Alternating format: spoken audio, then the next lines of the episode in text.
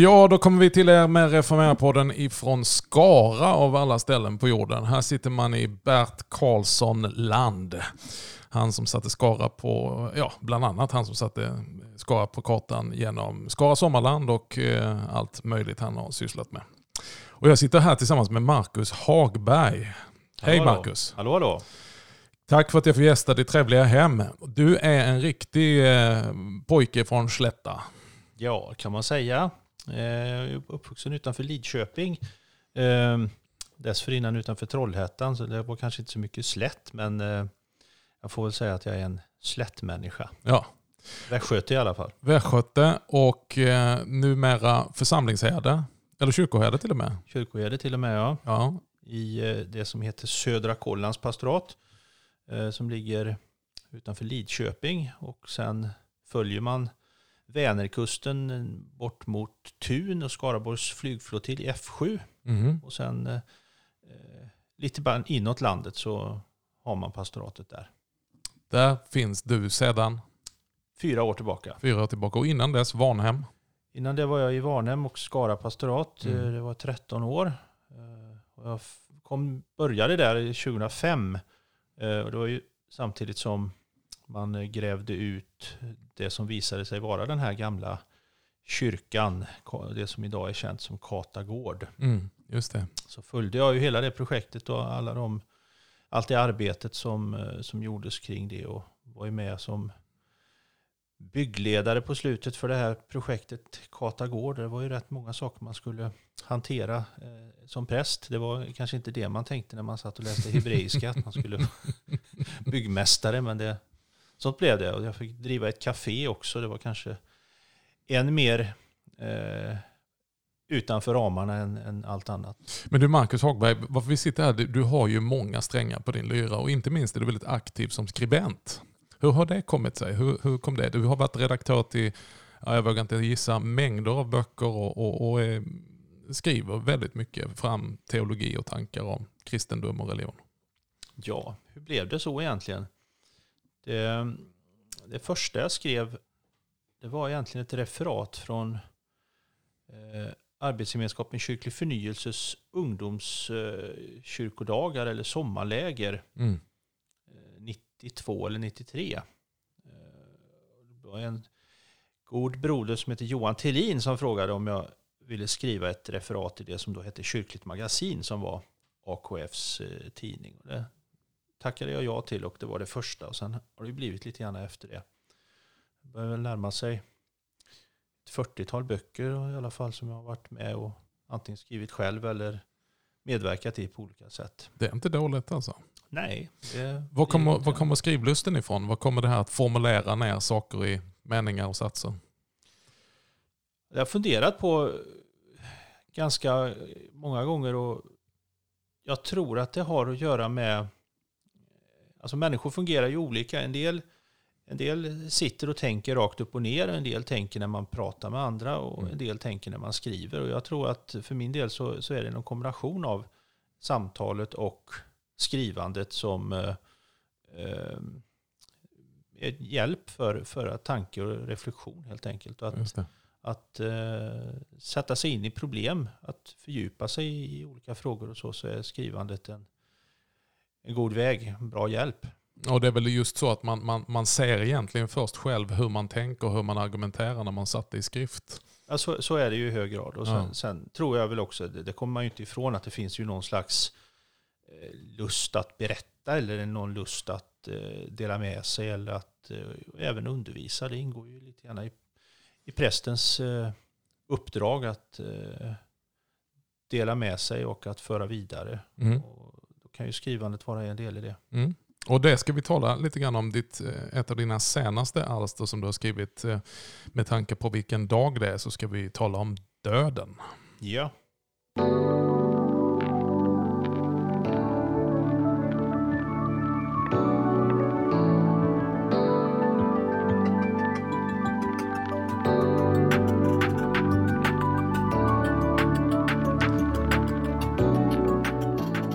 Går alltså in i allhelgonahelgen när det här programmet sänds och eh, För det första, det här är ju en, en, en helg som har kommit upp och konkurrerar nästan med, eh, vad ska vi kalla det för, första advent.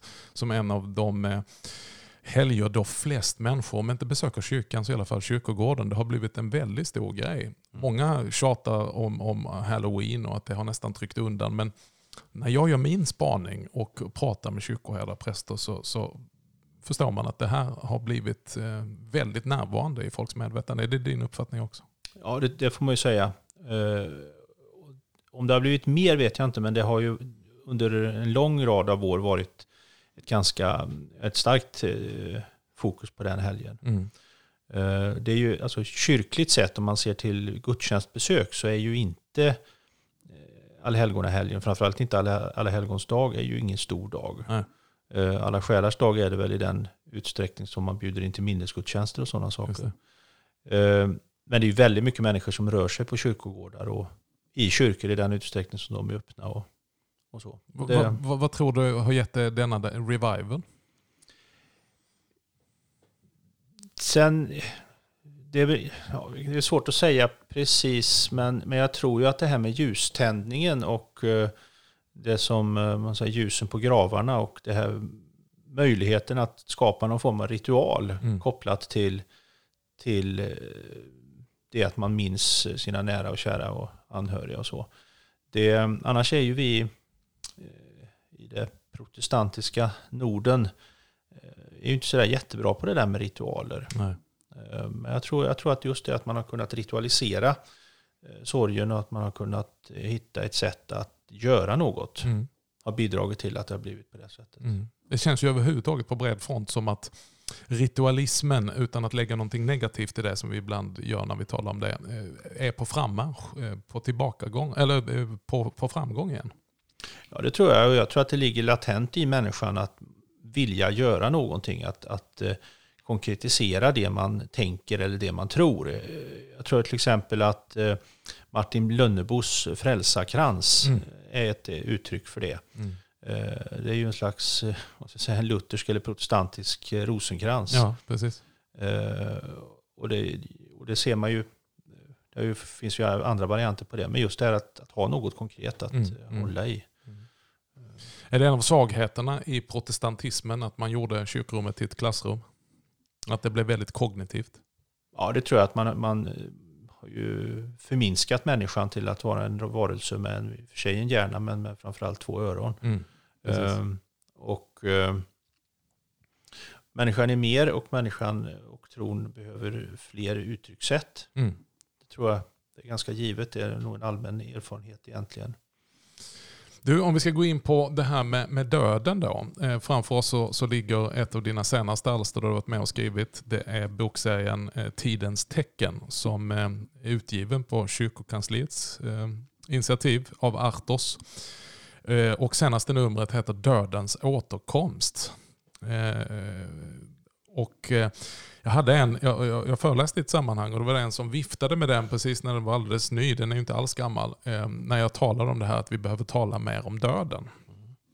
Du har skrivit om att förbereda sig på att dö. Och att döden eh, och meditation eh, kan vi kalla det utifrån att livet är ändligt kan vara ett verktyg som kyrkan mer behöver använda. Berätta lite hur du tänker där, Marcus, om vårt förhållande till döden. Ja, ja min artikel det heter Döden, evigheten och speglingar i tiden. Och mm. Eh, jag tar avstamp i en bok som jag var med och gav ut 2009. Som egentligen är en medeltida skrift eh, som trycktes på svenska. Som heter Ars Moriendi, eller Om konsten att dö. Just det. Eh, som skrevs av en fransk teolog som heter Jean Gerson. Mm. Och eh, hela den här Ars Moriendi eh, kontexten eller den traditionen, det handlar ju just om det att eh, det handlar om den goda döden mm. eh, och hur man uppnår den goda döden. Och det gör man ju då genom olika böner, genom olika, att man anammar sakramenten på rätt sätt, att man fokuserar döden och hela tiden fokuserar på Kristus så att man i dödsögonblicket eh, står fast i tron. Mm. Det var ju själva målsättningen. Och då måste man ju veta det att det medeltida sättet att se på vad som är en god död skiljer sig väldigt mycket från hur man tänker idag, eller hur många tänker. Idag talar man ju om att man vill ha en snabb död. Mm, mm. Eh, det ska gå fort, mm. jag vill inte vara sjuk, jag vill inte lida och så vidare. Eh, för medeltidsmänniskan var det det absolut värsta som kunde hända. Just det. Man talar ju om ond, bråd död och mm, det, mm. det, var ju en hastig död. Mm. Därför att då hade man inte möjlighet att förbereda sig. Nej. Och eh, det var farligt därför att det tillstånd man var i eller den tro man hade precis just i ögonblicket. Man kunde ju vara, hamna i tvivel mm, mm. eh, och, och, då blev det helt avgörande för hur det sen gick efter mm. döden i evigheten. så att säga. Eh, och därför, därför var hela den här eh, omkonsten att dö så viktig. Då. Mm. Det ligger ju lite i tiden och inte minst att ni ger ut nu ett nummer om det, då, dödens återkomst. Vad är, vad är bakgrunderna till det?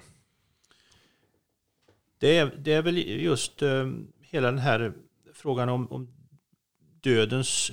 Vi har ju gått från ett, från ett uh, samhälle eller en situation där, där uh, döden har varit kollektiv. Mm. När någon har dött så har hela familjen, hela samhället, hela byn slutit upp. Mm.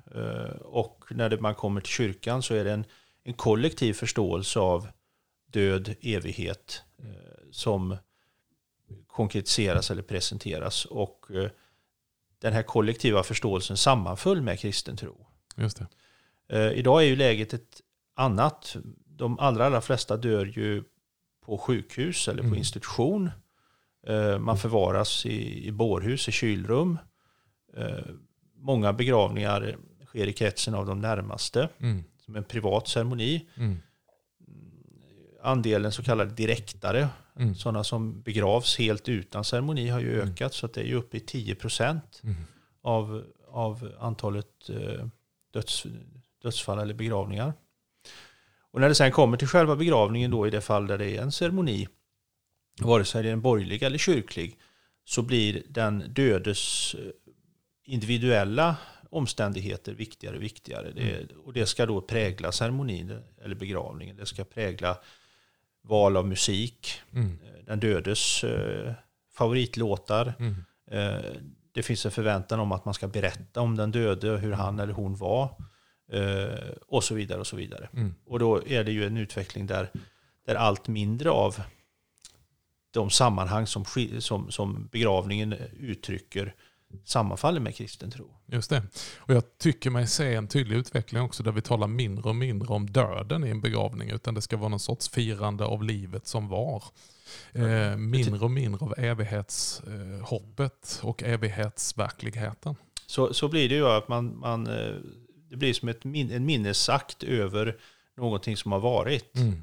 Eh, jag brukar i griftetal så brukar jag börja med att efter en ingress då säga att eh, det här är en dag att titta, att, att se bakåt och att minnas. Mm. Och så rekapitulerar jag några drag av den avlidnes eh, liv och, mm. och, intressen och så. Men så säger jag alltid att men det här är inte bara en dag att se bakåt utan också en dag att se framåt och så Just det. utlägga det kristna evighets... Och du tar ju upp i dina artikeln eh, uttrycket himmelsk födelsedag. Mm. Som, som många kan ju reagera mot det, men, men som var brukligt i kyrklig sed. Att tala om den himmelska födelsedagen och inte bara den jordiska dödsdagen. Nej, för helgon är det ju så till exempel att man firar ju deras eh, kanonisationsdag mm. och man firar deras himmelska födelsedag som då är deras dödsdag. Man firar mm. inte deras jordiska födelsedag. Ja, just det. det är ett uttryck för det. Mm. Eh, och eh, ja, det är ju tänkvärt. Mm. På många sätt. Man får ju hoppas att, en, att ens dödsdag blir ens himmelska födelsedag. Mm. Men du, vad finns det då för något värdefullt för oss idag? Om vi börjar där. Eh, eh, talar kyrkan idag för lite om döden? Nej, jag tror att jag upplever att kyrkan talar ganska mycket om döden. Men man talar om döden utifrån ett, ett samtidsperspektiv mm. eller ett terapeutiskt perspektiv eh, som i ganska stor utsträckning sammanfaller med med den, den vad ska säga, samtida kontexten och det, och det, sätt som människor ser på döden. Mm. Och då blir kyrkans bidrag eh, mer terapeutiskt eller mer att trösta i största allmänhet. Men det jag försöker eh, peka på i den här artikeln det är ju att den här presentismen som jag eh, kallar det. Eh, där man är väldigt fast i det som är just nu. Mm. Eh, där man har glömt det som har varit och där man inte orkar eller vill se framåt. Att det är en ganska farlig utveckling och den är inte minst farlig för kyrkan. Mm. Utan det som är hela kyrkans eh, grund är ju evighetstron. Mm. Och föreställningen om att det finns en evighet. Och, och utifrån den kan sen kyrkan uttala sig om i stort sett vad som helst. Mm. Men det är utan kyrkans USP, som man Just det. säger, unique selling point, så, så blir man bara en opinionsbildare bland alla andra. Mm. Och lite ett, ett, en echo chamber som man säger, alltså en ekokammare av samtidens rådande tankar om liv och död. Precis. Man upprepar som en papegoja. Men du, vad, vad, vad, det här med döden, eh, skulle vi behöva eh, tänka lite mer på döden medan vi lever? Ja, det tror jag. Och, och jag tror att det finns, det finns ju, vi har ju i, vår, i Sverige och i vår protestantiska kontext, om vi säger så, eh, förlorat klosterlivet. Mm. Jag har ju tappat någonting därigenom, jag är helt övertygad om. För, för just eh, klosterlivet är ju, en del ordnar, där är det ju så att det, det första man gör är att tillverka sin kista. Mm. Eller att tillverka det kors som, som ska vara en skravkors. Mm. Eh, och att klosterlivet på något sätt he, helt och hållet handlar om att dö Mm. för att vinna det, Mm. det verkliga livet. Och det, egentligen är det väl så, brukar jag tänka, att, att klosterliv är eh, liksom ett koncentrat av det kristna livet egentligen. De, det man gör i klostret det är liksom ett vanligt kristet liv fast med tio potens. Just det. Eh, Kan man inspireras lite grann av det så Man har skalat bort allt det oväsentliga och i Ja. koncentrat lyft Ja. fram att så här ser ett liv i efterföljelse av Kristus ut. och, och, och, och mer, mer liksom helhjärtat eller hundraprocentigt. Du, du tar upp ett exempel bland annat från klosterlivet med, med en kista som, som eh, står i ingången till eh, kapellet, tror jag det var. Ja, det, är, det är ju i Birgittas eh, klosterregel så, Mm. så stadgar hon att, att det ska finnas vid ingången till kyrkan så ska det finnas en öppen grav. Mm.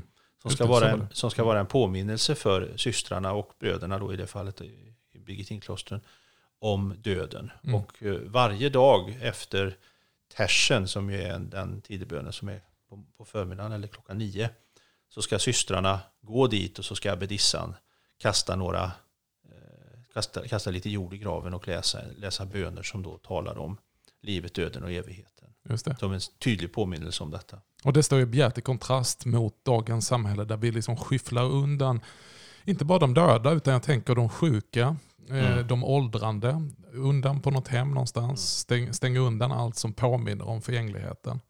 Ja, och det är ju en annan av mina poänger i den här artikeln att, att det som var medeltidens asmoriendi, eller konst att dö, den goda döden, det har ju även vår kultur odlat. Och då är, kommer vi in på den här frågan om, om dödshjälp och hela den debatten. Mm. Där, eh, där, man, där man också odlar en föreställning idag om vad är en god död? Att ja, det är en död som jag själv tar kontroll över. Mm. Jag väljer själv när jag sätter punkt. Jag vill inte ha något lidande, jag vill inte ligga som en grönsak eller, Mm. eller någonting. Och det där är ju djupt komplicerat ur ett kristet perspektiv. För, för det är ju inte så att vi äger livet. Nej. Vi har ju fått livet och vi får leva det Mm. eh, inom de råmärken som sätts upp. Eh, och eh, det, det blir väl- ja, fråga, hela frågan om dödshjälp och vare sig den är framförallt den aktiva då är ju, är ju väldigt, väldigt, väldigt svår att förena med ett kristet sätt att se på Mm. liv och död. Vi vill helt enkelt eh, kontrollera både livets början och livets slut eh, Ja. och, och ta Guds plats i tillvaron. Ja, precis. Vi återkommer lite mer med eh, snacket om döden.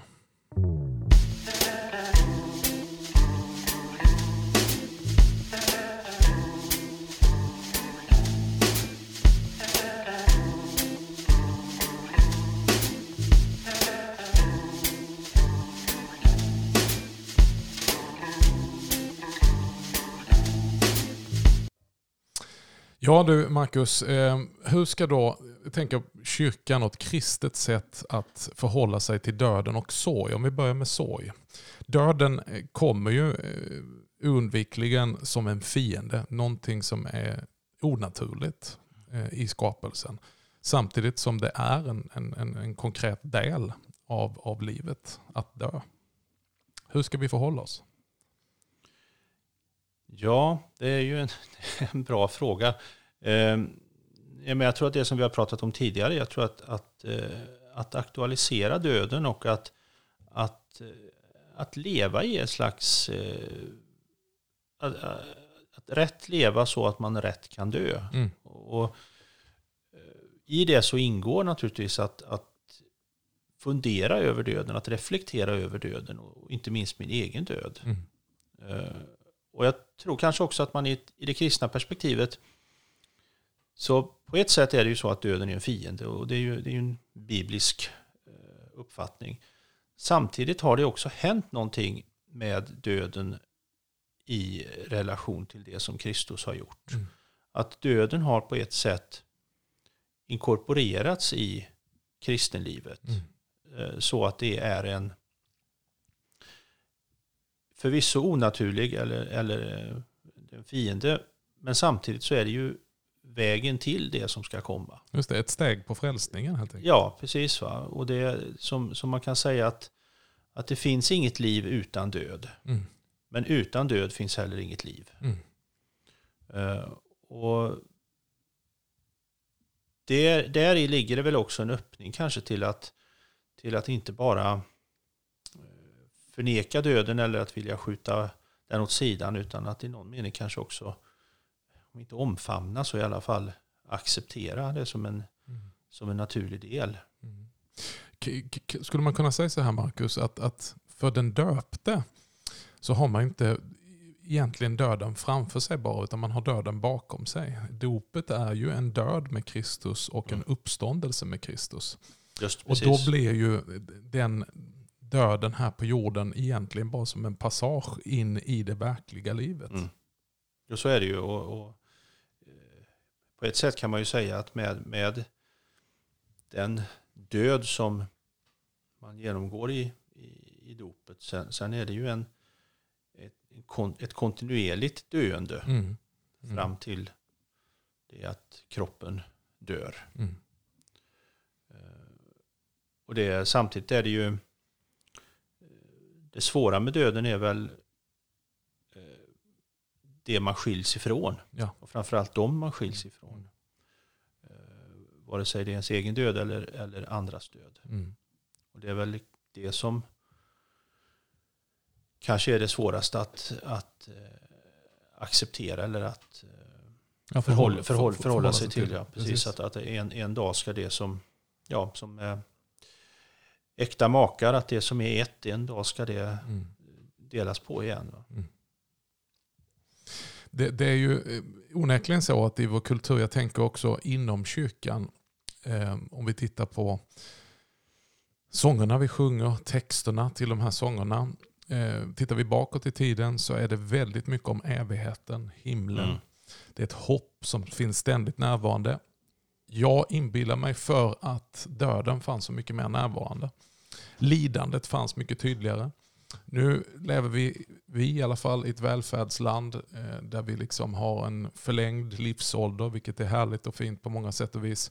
Lidandet och döden den har vi liksom skjutit åt sidan och det avspeglar sig lite grann också i vad kyrkan sjunger. Att det är väldigt mycket som har börjat prägla även kyrkan här och nu.